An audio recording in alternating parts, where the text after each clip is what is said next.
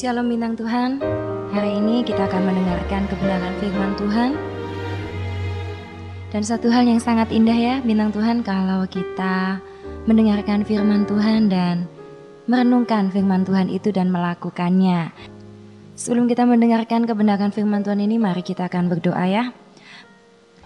Bapa di dalam kerajaan surga kami mengucap syukur Tuhan buat kebaikanmu, kasih setiamu, didikanmu Tuhan buat dalam hidup kami karena Engkau Allah yang setia dalam hidup kami.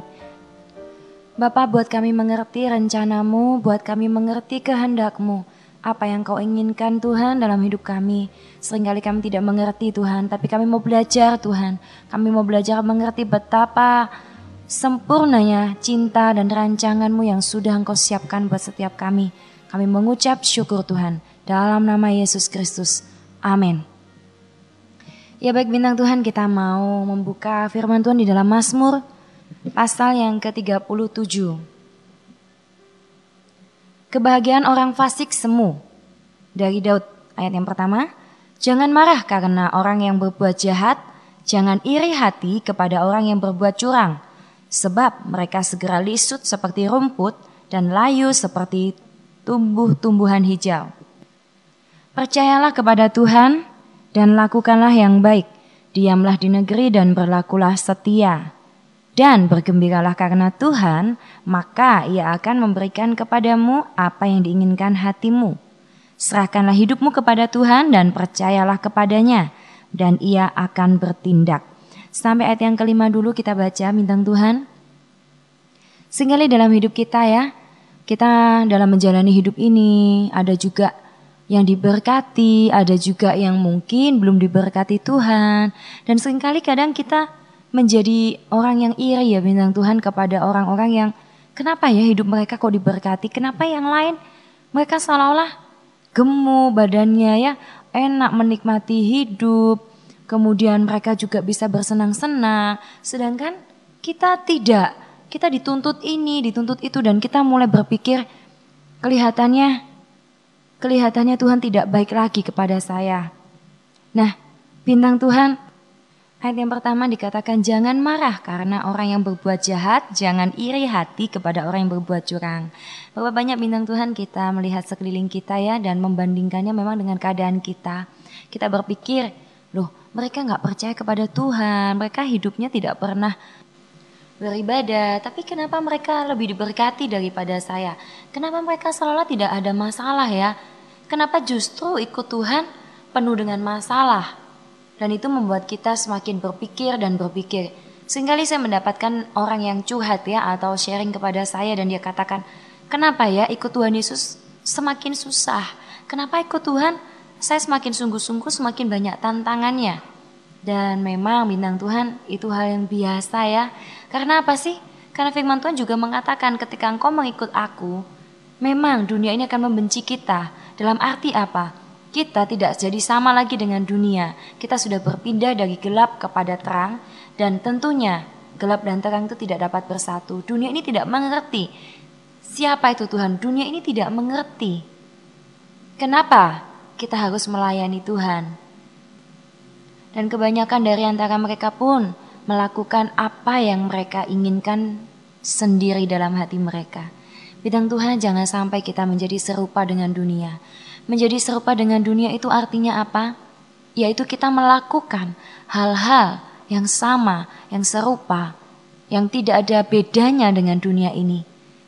Kalau anak-anak muda ya, kalau orang-orang lain kalau stres, kalau mereka betul-betul mengalami satu masalah, mereka biasanya lari ke mana? Ya, mereka lari ke dalam dunia gemerlap, mereka lari kepada minum minuman keras, obat-obatan, apakah kita sebagai anak-anak Tuhan kita juga akan sama seperti mereka? Ataukah kita mau lari kepada Tuhan? Ya, kalau mungkin kita dalam pekerjaan dan rasanya begitu buntu ya jalan ini, begitu buntu dan kita lihat Tuhan kenapa ikut engkau? Pekerjaan tidak lancar Tuhan. Kenapa engkau tidak memberkati aku? Lihat, orang itu, orang ini, mereka tidak usah ngoyo-ngoyo beribadah, tetapi kenapa mereka diberkati? Nah, kita mulailah bintang Tuhan yang kita bekerja, kalau kita sepi, wah kita mulai cari yang namanya mungkin ya uh, pesugihan seperti itu atau mencari berkat di luar Tuhan ya. Saya mau katakan dengan jelas dan tegas bintang Tuhan bahwa memang mencari sesuatu berkat di luar Tuhan itu adalah suatu hal yang sia-sia. Sebab apa? Sebab sering kali kalau kita mencari berkat di luar Tuhan, maka berkat itu pasti bukan datang dari Tuhan. Dan kalau bukan dari Tuhan, biasanya itu tidak akan murni. Dalam arti, berkat itu akan menuntut sesuatu dalam hidup kita. Berkat itu akan mendatangkan kutuk di dalam keluarga kita. Mendatangkan kutuk dalam anak-anak kita. Nah, bintang Tuhan, sebab tidak ada satupun ya yang dapat berjalan dengan baik tanpa kalau Tuhan yang memberikannya kepada kita. Bintang Tuhan, mari kita belajar sama-sama. Untuk kita tidak menjadi marah, kita tidak menjadi iri dengan orang-orang yang fasik, dalam arti orang-orang yang tidak mengenal Tuhan, mereka yang hidup menurut jalan mereka sendiri. Tapi berbahagialah kita, orang-orang yang takut akan Tuhan, yaitu orang yang rendah hati, yang akan dibimbing oleh Tuhan, yang akan ditunjukkan jalan oleh Tuhan. Itu sesuatu kebanggaan ya buat kita, walaupun memang mengikut Tuhan itu sesuatu perjalanan yang tidak mudah, sebab Tuhan pun berkata ya, ikuti teladanku, Seorang murid itu tidak lebih dari seorang gurunya. Kalau gurunya mengalami penderitaan, kalau gurunya mengalami sengsara, tentunya Tuhan akan izinkan kita juga mengalami yang namanya memikul salib bintang Tuhan. Ketika Yesus di dalam dunia, dia tidak menunjukkan satu gaya pola hidup yang berfoya-foya ya, tidak menunjukkan satu gaya kehidupan yang betul-betul glamor sesuai dengan dunia seperti orang Farisi yang munafik dan yang lain-lain. Tetapi Yesus menunjukkan satu pola kehidupan yang perlu kita contoh yaitu apa? Dia memiliki kerendahan hati, dia memiliki kasih, dia memiliki belas kasihan, dia mau untuk memikul salibnya. Bintang Tuhan, hidup ini memang hanya sementara. Bahkan ada orang-orang ya yang tidak menikmati janji-janji Tuhan ketika dia hidup dan dia menikmatinya di dalam kerajaan surga. Tapi apa pun keputusan Tuhan dalam hidup kita, entah kita menikmatinya nanti atau menikmatinya sekarang, Tuhan izinkan apa pun yang terjadi dalam hidup kita. Mari kita belajar untuk mengerti apa yang menjadi kehendak Tuhan dalam hidup kita. Minat Tuhan ayat yang kedua, mulai dikatakan, sebab mereka itu akan lisut seperti rumput. Artinya apa? bahwa orang-orang yang tidak mengenal Tuhan, kita percuma ya, kita iri dengan mereka. Mungkin mereka kelihatannya kaya, mereka enak sekali bekerja, menipu, berlaku curang dalam pekerjaan, dalam usaha, kemudian dalam sekolah ya mereka menyontek misalnya. Sedangkan kita yang tidak nyontek ya kita dapat nilai 5 misalnya. Oh ternyata yang nyontek ini atau yang mereka yang saling mencontoh ya mereka mendapatkan nilai 9 bagaimana perasaan kita? Apakah kita tetap teguh? Bintang Tuhan mari kita katakan tidak apa-apa asalkan ini memang murni dari hasil usahaku atau kita mulai bimbang ya kita mulai ragu wah kalau aku tidak ikut-ikutan maka aku tidak akan bisa mendapat nilai yang terbaik ya Minang Tuhan Memang ikut Tuhan itu sesuatu hal yang dikhususkan ya, dalam arti dibedakan, dikhususkan. Dan kita tidak boleh menjadi serupa dengan dunia ini. Sebab apa? Dunia ini akan hilang bintang Tuhan. Dunia ini akan lisut seperti rumput. Dia akan lenyap. Dunia ini akan hilang. Ayat yang ketiga, percayalah kepada Tuhan dan lakukanlah yang baik. Diamlah di negeri dan berlakulah setia. Tuhan ingatkan kepada kita, Tuhan perintahkan kepada kita, kalau yang terjadi dalam hati kita itu suatu hal yang tiba-tiba ya jiwa kita begitu sakit, hati kita begitu iri dengan dunia, kita kadang menginginkan dunia. Ya minta Tuhan saya beberapa waktu lalu ya saya juga sharing dengan teman-teman dan kami berbicara tentang bagaimana perjalanan kami dalam melayani Tuhan. Saya tanya kepada mereka dan kebanyakan hampir semuanya ya mengatakan bahwa mereka pernah yang namanya iri dengan orang yang tidak melayani Tuhan, iri dengan orang yang santai, iri dengan orang-orang yang tidak bekerja di ladang Tuhan. Mungkin kita bisa saja iri dengan orang dunia, bisa saja kita iri dengan orang yang ada di dalam Tuhan pun kita bisa iri, ya. Nah, bintang Tuhan ini memang penyakit yang tiba-tiba saja memasuki kita ya. Kita tidak tahu tiba-tiba saja kemudian kita merasa tidak enak, kita merasa begitu sedih, kita merasa begitu kecewa. Dan kita mulai membandingkan melihat kehidupan kita. Kenapa kehidupanku seperti ini? Kenapa aku tidak diberkati seperti itu? Kenapa rasanya kebahagiaanku ini tidak ada. Kenapa? Apakah Tuhan ini tidak memberikan kebahagiaan kepadaku? Tuhan itu tidak baik kepadaku. Dia itu suka menyiksa aku. Ya, pernahkah kita berpikir seperti itu bintang Tuhan? Tapi Tuhan Yesus memberikan satu kata-kata, kata kunci hari ini kepada kita semua. Percayalah kepada Tuhan. Satu kalimat ini mengandung satu makna yang begitu dalam bintang Tuhan. Ketika kita tidak dapat melihat lagi terang, ketika dalam masalah-masalah kita, ketika kita dalam satu tekanan jiwa, tekanan batin, apakah kita bisa tetap mempercayai Tuhan? Mempercayai Tuhan itu artinya kita tidak ragu bahwa Dia tetap mengasihi kita. Kita percaya bahwa Dia tetap mengasihi kita apa adanya. Kita tetap percaya bahwa Tuhan sanggup untuk menolong kita. Tuhan sanggup menyembuhkan kita. Tuhan sanggup membangkitkan setiap kita. Bintang Tuhan dalam hidup ini memang tidak selamanya kita kuat ya. Bahkan kita para pelayan-pelayan Tuhan. Kita tidak selamanya akan menjadi orang yang begitu kuat ya. Seringkali saya juga dalam pelayanan bintang Tuhan. Ada saat-saat saya merasa begitu kuatnya, merasa begitu Wow luar biasa seolah-olah Tuhan taruh saya di atas bukit ya atau gunung yang tinggi ya di mana saya bisa melakukan seolah-olah begitu powerful melakukan semua hal saya begitu bersemangat tapi tiba-tiba saja Tuhan tempatkan atau Tuhan izinkan ya atau saya tidak tahu apa yang terjadi lebih tepatnya saya seolah-olah merasa begitu kering begitu hancur begitu lemah begitu tidak berdaya, kepercayaan diri saya seolah-olah diambil, saya sampai tidak dapat melakukan sesuatu apa pun. Dan saya mulai bertanya kepada Tuhan, Tuhan ini kenapa? Kenapa saya bisa jadi seperti ini? Itu terjadi bintang Tuhan. Seringkali kita tidak mengerti hati kita sendiri. Ya, memang hati kita itu firman Tuhan katakan siapa yang bisa mengerti hati? Hati itu licik, hati itu ya Seringkali kecenderungan hati kita itu jahat bintang Tuhan. Tapi kita minta kepada Tuhan supaya Tuhan itu memurnikan hati kita.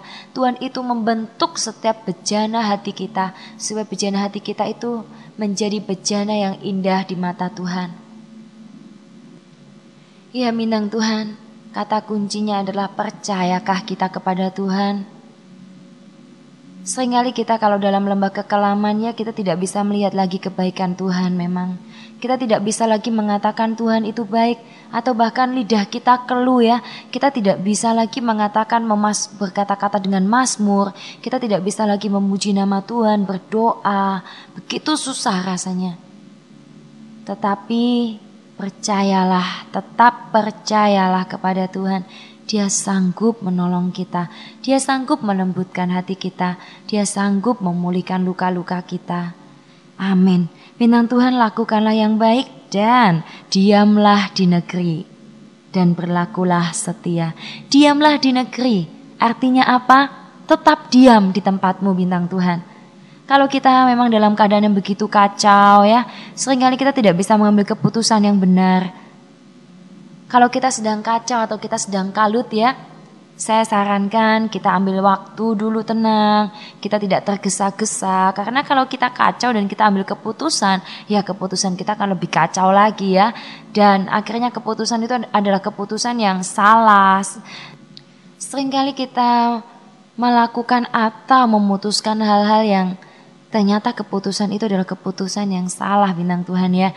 Karena kita tidak pakai pertimbangan yang panjang kita tidak pakai hikmat dari Tuhan kita asal jalan saja ya. Pokoknya cepat selesai. Dan akhirnya kita tidak tenang. Dan kalau kita tidak tenang kita tidak bisa diam kita kadang juga tidak bisa berlaku setia. Tuhan mungkin suruh tunggu kita dalam beberapa jangka waktu untuk kita betul-betul dipulihkan untuk kita melayani Tuhan. Tapi sering kali kita tidak dapat setia. Ya memang kesetiaan itu adalah sesuatu yang sulit ya, tetapi kesetiaan adalah salah satu dari buah roh bintang Tuhan.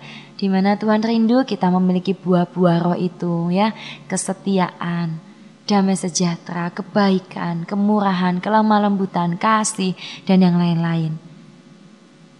Tetaplah setia bintang Tuhan, karena kekekalan sedang menunggu kita, karena mahkota itu sudah menunggu kita Alangkah bahagianya bintang Tuhan kalau kita nanti tiba di surga ya, di dalam setiap kemegahannya, di dalam setiap keindahan surga, kita akan berjumpa dengan Tuhan, kita akan bertatap muka dengan Dia. Satu perjumpaan yang sangat indah sekali bintang Tuhan. Dan di dalam dunia ini kita hanya hidup berapa lama sih? Mari kita belajar untuk setia kepada Tuhan. Sebab berbahagialah engkau yang dipanggil, dipilih, dan setia. Untuk memasuki fase dipanggil dan dipilih itu saja bintang Tuhan ya. Itu pun butuh yang namanya proses. Itu butuh yang namanya betul-betul kita menetapkan hati kita untuk bulat mengikut Tuhan. Ada seorang hamba Tuhan bintang Tuhan ya. Saya pernah membaca dan saya melihat bagaimana dia betul-betul dipakai oleh Tuhan. Seorang hamba Tuhan wanita bintang Tuhan pada dekade yang lalu ya. Sebelum generasi kita ini dan dia sekarang sudah meninggal tapi dia begitu luar biasa namanya begitu dikenang oleh begitu banyak orang. Bintang Tuhan, ada satu kata-kata yang luar biasa sekali yang saya pelajari dalam hidupnya, yaitu dia adalah orang yang setia. Sehingga Tuhan dapat memakai bejana hidupnya dan dia betul-betul memberikan hidupnya total buat Tuhan ya. Dan di dalam buku itu bintang Tuhan dituliskan Kenapa ada begitu banyak orang yang dipanggil oleh Tuhan, hamba-hamba Tuhan yang dipanggil oleh Tuhan, tetapi kenapa tidak banyak orang yang dipakai dengan sangat luar biasa sekali? Dan jawabannya memang itu adalah jawaban yang luar biasa. Karena apa bintang Tuhan? Karena memang banyak orang dipanggil, tetapi tidak banyak orang yang terpilih di mana mereka berani untuk membayar harganya seperti wanita ini. Tidak banyak orang yang mau bayar harganya bintang Tuhan. Kenapa sih orang dipakai lebih ya? Kenapa orang itu bisa dipakai lebih? Kenapa saya tidak? Kenapa orang itu bisa dipakai dengan luar biasa? Tapi kok saya santai-santai aja ya? Hidup saya tenang-tenang aja tuh nggak ada apa-apa. Bintang Tuhan di dalam satu Timotius.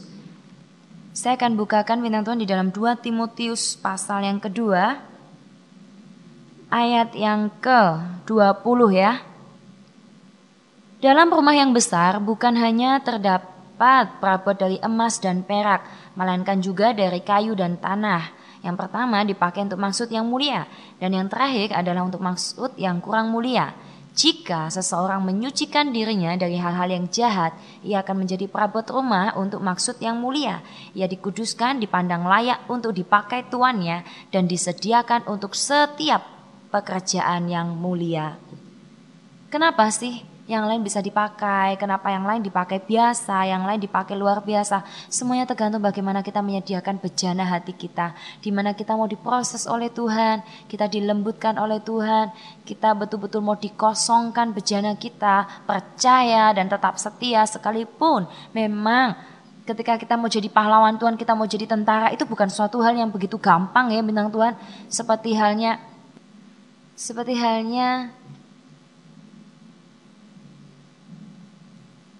kita melihat film-film ya atau kita membaca buku-buku. Tetapi ternyata untuk menjadi seorang pahlawan itu sesuatu yang begitu berat, sesuatu yang ada harga yang begitu banyak harus dibayar. Kita dapat memilih bintang Tuhan. Apakah kita, apakah bintang Tuhan betul-betul mau menjadi orang yang berbeda dengan dunia ataukah kita menjadi sama dengan dunia? Kalau kita mau dibedakan, kita disucikan dari perbuatan-perbuatan yang jahat, kita dibedakan, dikhususkan untuk setiap pekerjaan yang mulia, maka bersiap-siaplah untuk diproses, bersiap-siaplah untuk membayar harganya bintang Tuhan. Harganya itu tidak mudah. Seringkali Tuhan akan bawa kita ke dalam jalan-jalan yang namanya jalan kesepian. Ada jalan-jalan yang namanya jalan badai, lembah, dan kadang juga dia akan bawa kita ke gunung yang tinggi. Nah bintang Tuhan, saya akan lanjutkan. Ayat Mas ya di dalam Mazmur 37 ayat yang keempat dikatakan bergembiralah karena Tuhan dan ia akan memberikan kepadamu apa yang diinginkan hatimu. Ayat ini sungguh sangat menghibur ya bintang Tuhan. Bergembiralah karena Tuhan bintang Tuhan. Bersukacitalah karena Tuhan. Bersukacitalah karena dia. Bukan bersukacita karena kita dapat uang banyak ya. Kita tidak bersukacita karena anak-anak kita, kita tidak bersuka cita karena semua. Iya, kita akan tetap bersuka cita karena semuanya itu. Karena apa? Karena Tuhan yang memberikannya. Tetapi jangan sampai sukacita kita itu hanya dimotivasi karena manusia atau karena keberhasilan, kekayaan ataupun kedudukan. Tetapi biarlah sukacita kita, biarkan kebahagiaan, kegembiraan kita itu datang tetap ada dalam hidup kita. Karena apa? Karena kita punya Tuhan. Sekalipun mungkin kita menderita, kita tetap dapat tersenyum dan katakan asal aku punya Engkau Tuhan. Asal Engkau tetap berjalan bersamaku, asalkan Engkau tidak tinggalkan aku, itu cukup bagiku Tuhan. Apakah kita pernah mengatakan demikian bintang Tuhan? Bergembiralah karena Tuhan. Maka apa? Maka dia akan memberikan apa yang diinginkan oleh hatimu. Saya pernah bertanya-tanya ya, apa yang diinginkan oleh hati kita? Berarti semua apa yang diinginkan oleh hati kita, apakah itu akan apakah itu akan kita dapatkan? Nah, saya mulai bertanya-tanya ya, tetapi akhirnya saya mulai mengerti bintang Tuhan. Kalau orang yang percaya, orang yang dekat dengan Tuhan ya, orang yang betul-betul melekat dan bersyukur kepada Tuhan, dia akan memahami hati Tuhan. Dan dia apa yang diinginkan oleh hatinya itu tentu bukan hal-hal yang bodoh atau sia-sia. Sebab firman Tuhan juga dikatakan ya dalam ayat yang lain dikatakan bagi orang suci maka semuanya suci, tapi bagi orang yang najis semuanya najis. Kenapa bintang Tuhan? Karena pikiran dan hatinya sudah najis terlebih dahulu. Karena hati dan pikirannya sudah dikuasai oleh yang namanya mungkin percabulan, kuasa-kuasa kegelapan, oleh roh-roh dunia. Ya, sehingga apa? Apa yang dipikirkan olehnya itu selalu pikiran duniawi. Tetapi kita adalah manusia-manusia roh. Kita harus memikirkan apa yang dari roh ya. Karena manusia daging ini bintang Tuhan harus betul-betul dimatikan betul-betul diproses oleh Tuhan. Sehingga yang nampak sehingga yang muncul dari hidup kita itu hanyalah manusia roh kita. Ya bintang Tuhan orang yang mencintai Tuhan orang yang dekat dengan Tuhan pasti dia akan menginginkan sesuatu yang menjadi kehendak Tuhan. Makanya firman Tuhan katakan apa? Bergembiralah karena Tuhan ya. Karena apa? Dia akan memberikan apa yang diinginkan hatimu dan ternyata apa yang diinginkan hati kita itu bukan sekedar sesuatu yang bersifat uh, su supranatural atau yang rohani sekali ya. Jadi kita seolah-olah kalau aku meminta berkat itu rasanya hal yang tabu. Atau ketika aku sudah membutuhkan pasangan misal ya aku malu aku tidak mau bilang sama Tuhan. Minta Tuhan kita bisa berkata apa pun kepada Tuhan. Dan percayalah kita tetap bergembira. Kalau mungkin engkau belum punya pasangan ya minang Tuhan tetap bergembira ya Tetap bersuka cita, sebab Tuhan akan memberikan apa yang diinginkan hatimu sesuai kehendak Tuhan.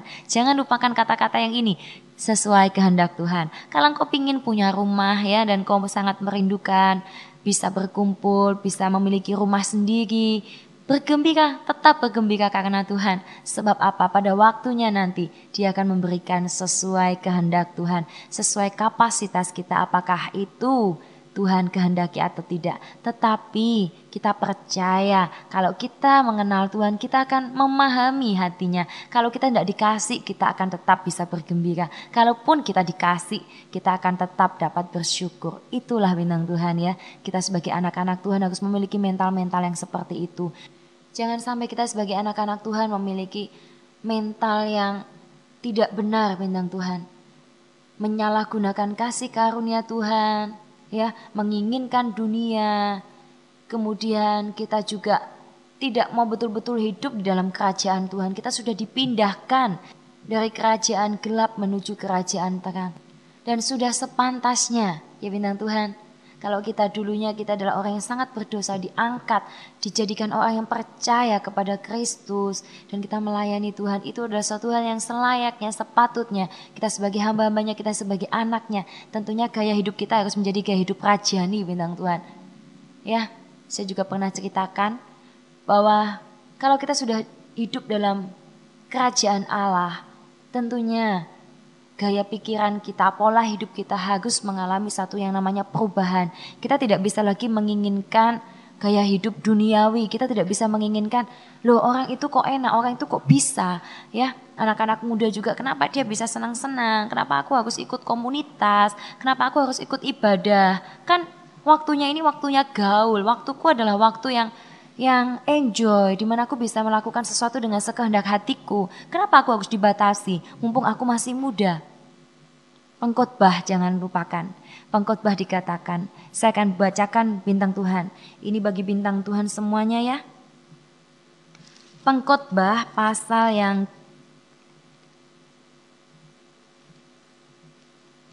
Pengkhotbah pasal yang ke-12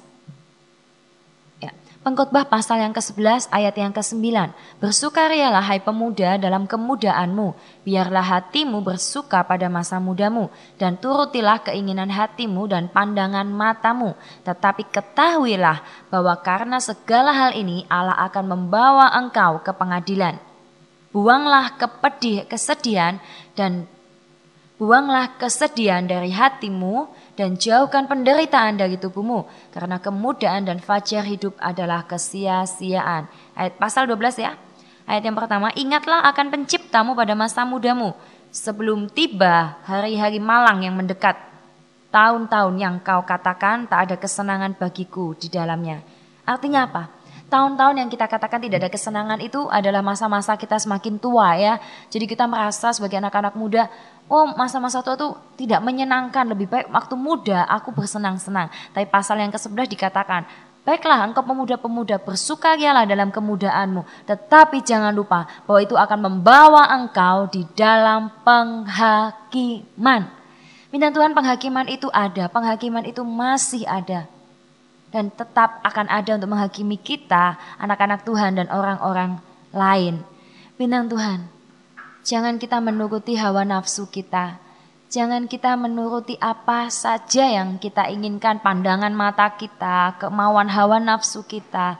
Bapak banyak juga keluarga-keluarga yang terjerat oleh hutang ya, yang begitu banyak yang luar biasa. Karena apa? Mereka tidak dapat mengendalikan diri dengan keadaan ekonomi. Mereka merasa kenapa aku tidak bisa? Orang lain bisa beli ini, ini, ini. Kenapa aku tidak bisa? Aku juga bisa.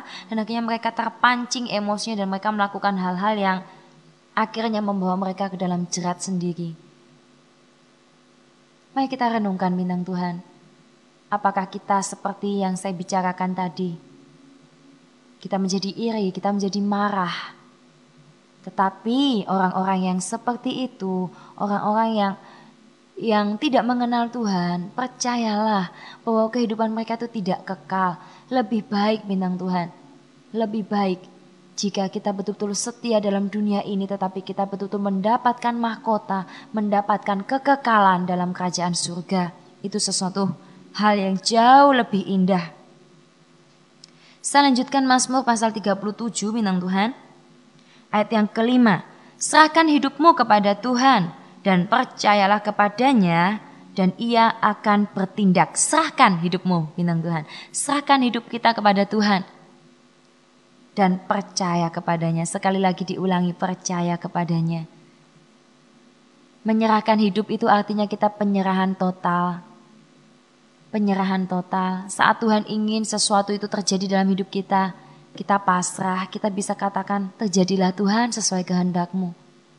Walaupun memang kehendak Tuhan kadang tidak sesuai ya dengan kehendak kita.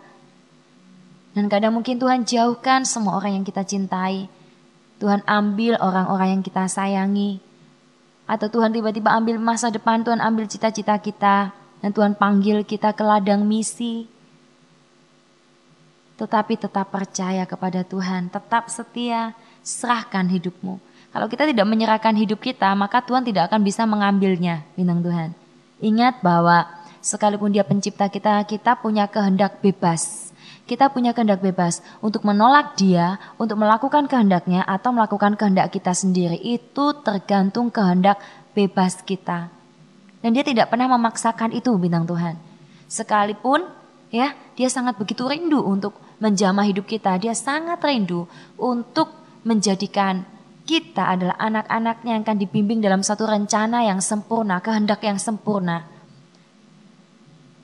Tetapi kita punya kehendak bebas. Itulah luar biasanya Tuhan kita. Apakah kita mau menyerahkan kehendak bebas kita kepada Tuhan dan mengatakan Tuhan engkau tahu yang terbaik, engkau sanggup melakukan yang terbaik dalam hidupku dan aku akan mengikuti engkau apa pun keputusanmu dalam hidupku.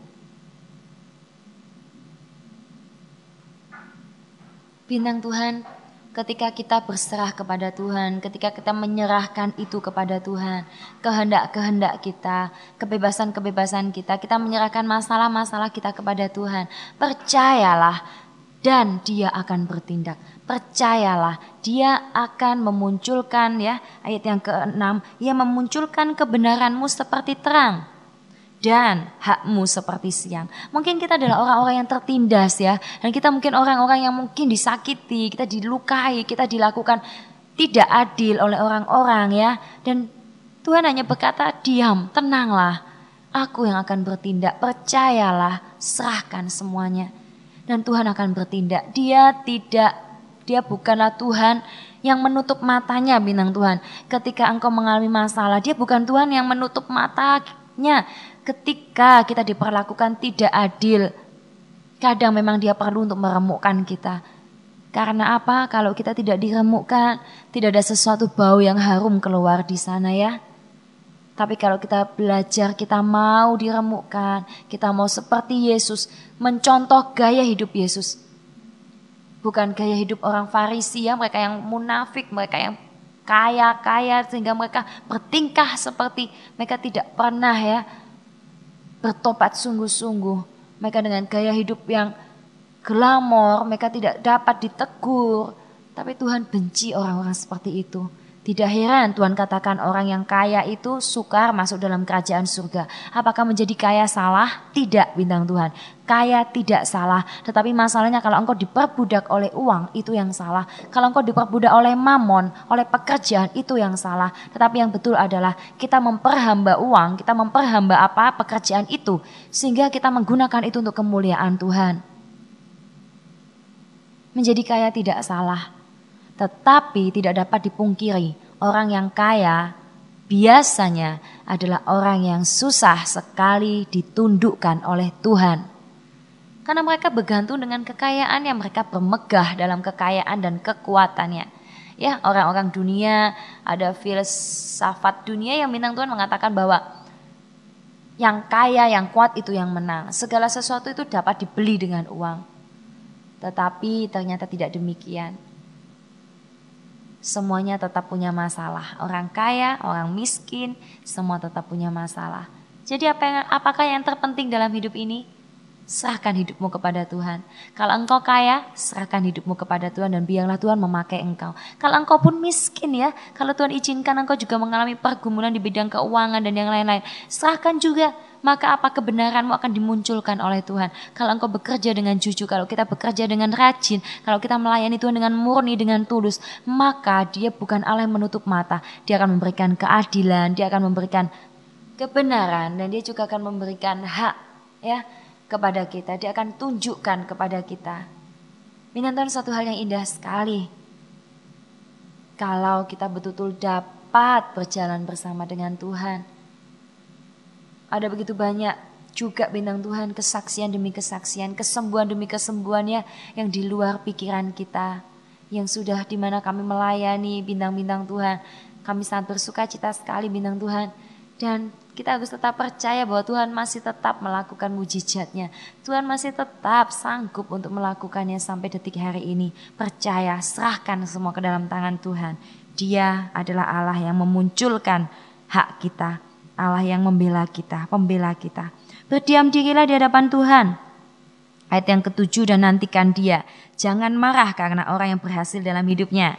Karena orang yang melakukan tipu daya. Ya minta Tuhan, jangan marah ya kalau orang lain berhasil tapi karena tipu daya. Ya, berhentilah marah dan tinggalkan panas hati itu. Jangan marah, itu hanya membawa kepada kejahatan. Karena ada waktunya bintang Tuhan akan dipisahkan Orang yang betul-betul tulus hatinya mencintai Tuhan, dia akan melihat wajah Tuhan. Dia akan betul-betul menikmati segala janji-janji Tuhan.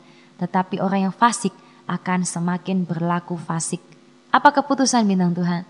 Apakah kita mau semakin fasik ataukah kita mau semakin dikuduskan, dibedakan untuk dipakai Tuhan untuk setiap pekerjaan yang mulia.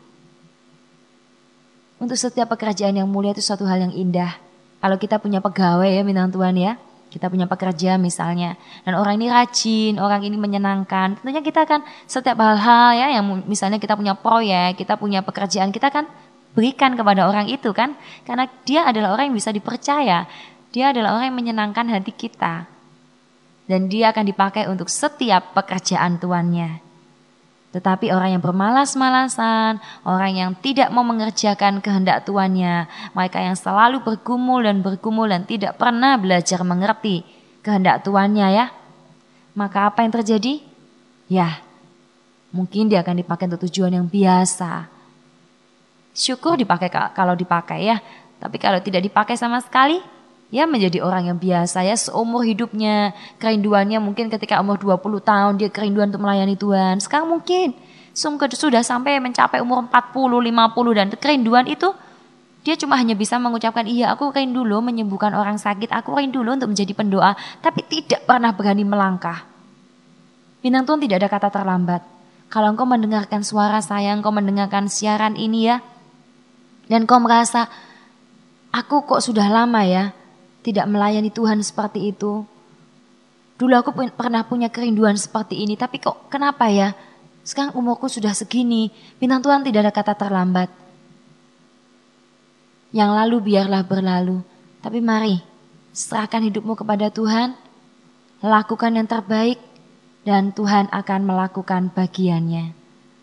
Dia akan memunculkan kebenaran-kebenaran kita, membalas setiap jerih payah kita.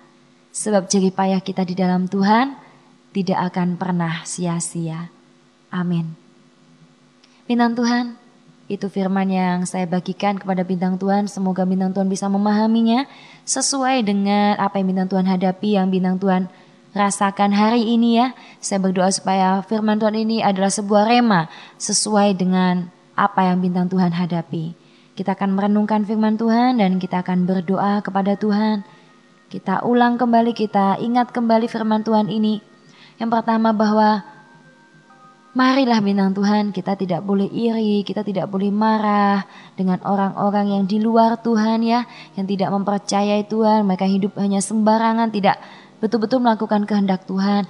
Tetapi marilah kita percaya, kita diam betul-betul di dalam hadirat Tuhan dan tetap setia. Kemudian firman Tuhan juga katakan bergembiralah, bersukacitalah di dalam segala hal. Sebab dia akan memberikan apa yang diinginkan hatimu sesuai kehendak Tuhan.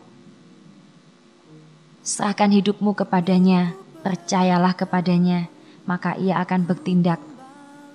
Mari kita belajar bintang Tuhan untuk menyerahkan hidup kita kepada Tuhan.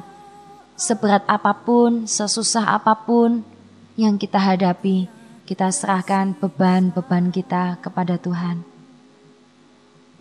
Bapak kami mengucap syukur Tuhan. Kami berdoa supaya Engkau yang menjamah setiap bintang-bintang Tuhan di mana pun berada Tuhan. Ampuni kami, kalau sering kali Tuhan kami tidak melakukan kehendakmu dengan baik.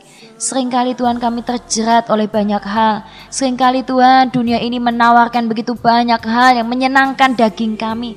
Tetapi kami mau belajar seperti Engkau Yesus. Engkau memiliki satu gaya hidup yang luar biasa. Engkau dipisahkan dari dunia dan Engkau bisa tetap bersuka cita. Engkau bisa tetap tenang. Tuhan pisahkan kami dari dunia. Ambil kami dari dunia ini. Dunia ini tidak dapat bisa Tuhan. Tidak akan pernah bisa memisahkan kami dengan dengan Engkau. Siapakah yang bisa memisahkan kami dari Engkau Tuhan? Penderitaankah Tuhan? Atau apa pun Tuhan tidak akan dapat memisahkan kami dari Engkau. Bahkan maut tidak bisa memisahkan kami dari Engkau. Kasihmu kuasamu akan tetap melingkupi kami. Kami percaya Tuhan, kami percaya Engkau sanggup Tuhan. Engkau sanggup memulihkan setiap kami. Tolong kami semua supaya kami dapat berserah penuh dalam setiap kondisi kami. Supaya kami dapat berlaku setia. Supaya kami tetap percaya. Maka kami percaya percaya Tuhan kebenaran kami akan kau munculkan. Hak-hak kami akan engkau munculkan. Engkau yang membela perkara-perkara kami. Kami mengucap syukur Tuhan. Kami tidak akan menyerahkan diri kami kepada dunia. Tetapi kami akan menyerahkan diri kami untuk menjadi senjata-senjata kebenaran di dalam engkau. Engkau pakai kami untuk setiap tujuan yang mulia.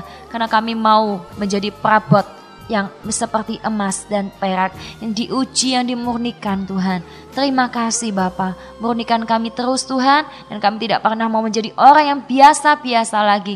Kami mau jadi orang yang luar biasa di dalam Engkau, menjadi orang yang mengubah sejarah, menjadi orang yang betul-betul Engkau pakai Tuhan. Tidak ada kata terlambat Tuhan. Sekalipun mungkin kami sudah tua, Tuhan tidak ada kata terlambat. Kami mau memulainya sekarang juga Tuhan untuk melayani Engkau lebih lagi, mengasihi Engkau lebih lagi. Terima kasih Bapak kami mengucap syukur Engkau yang bekerja, Engkau yang melakukan pekerjaanmu dalam dalam setiap bintang-bintang Tuhan semuanya.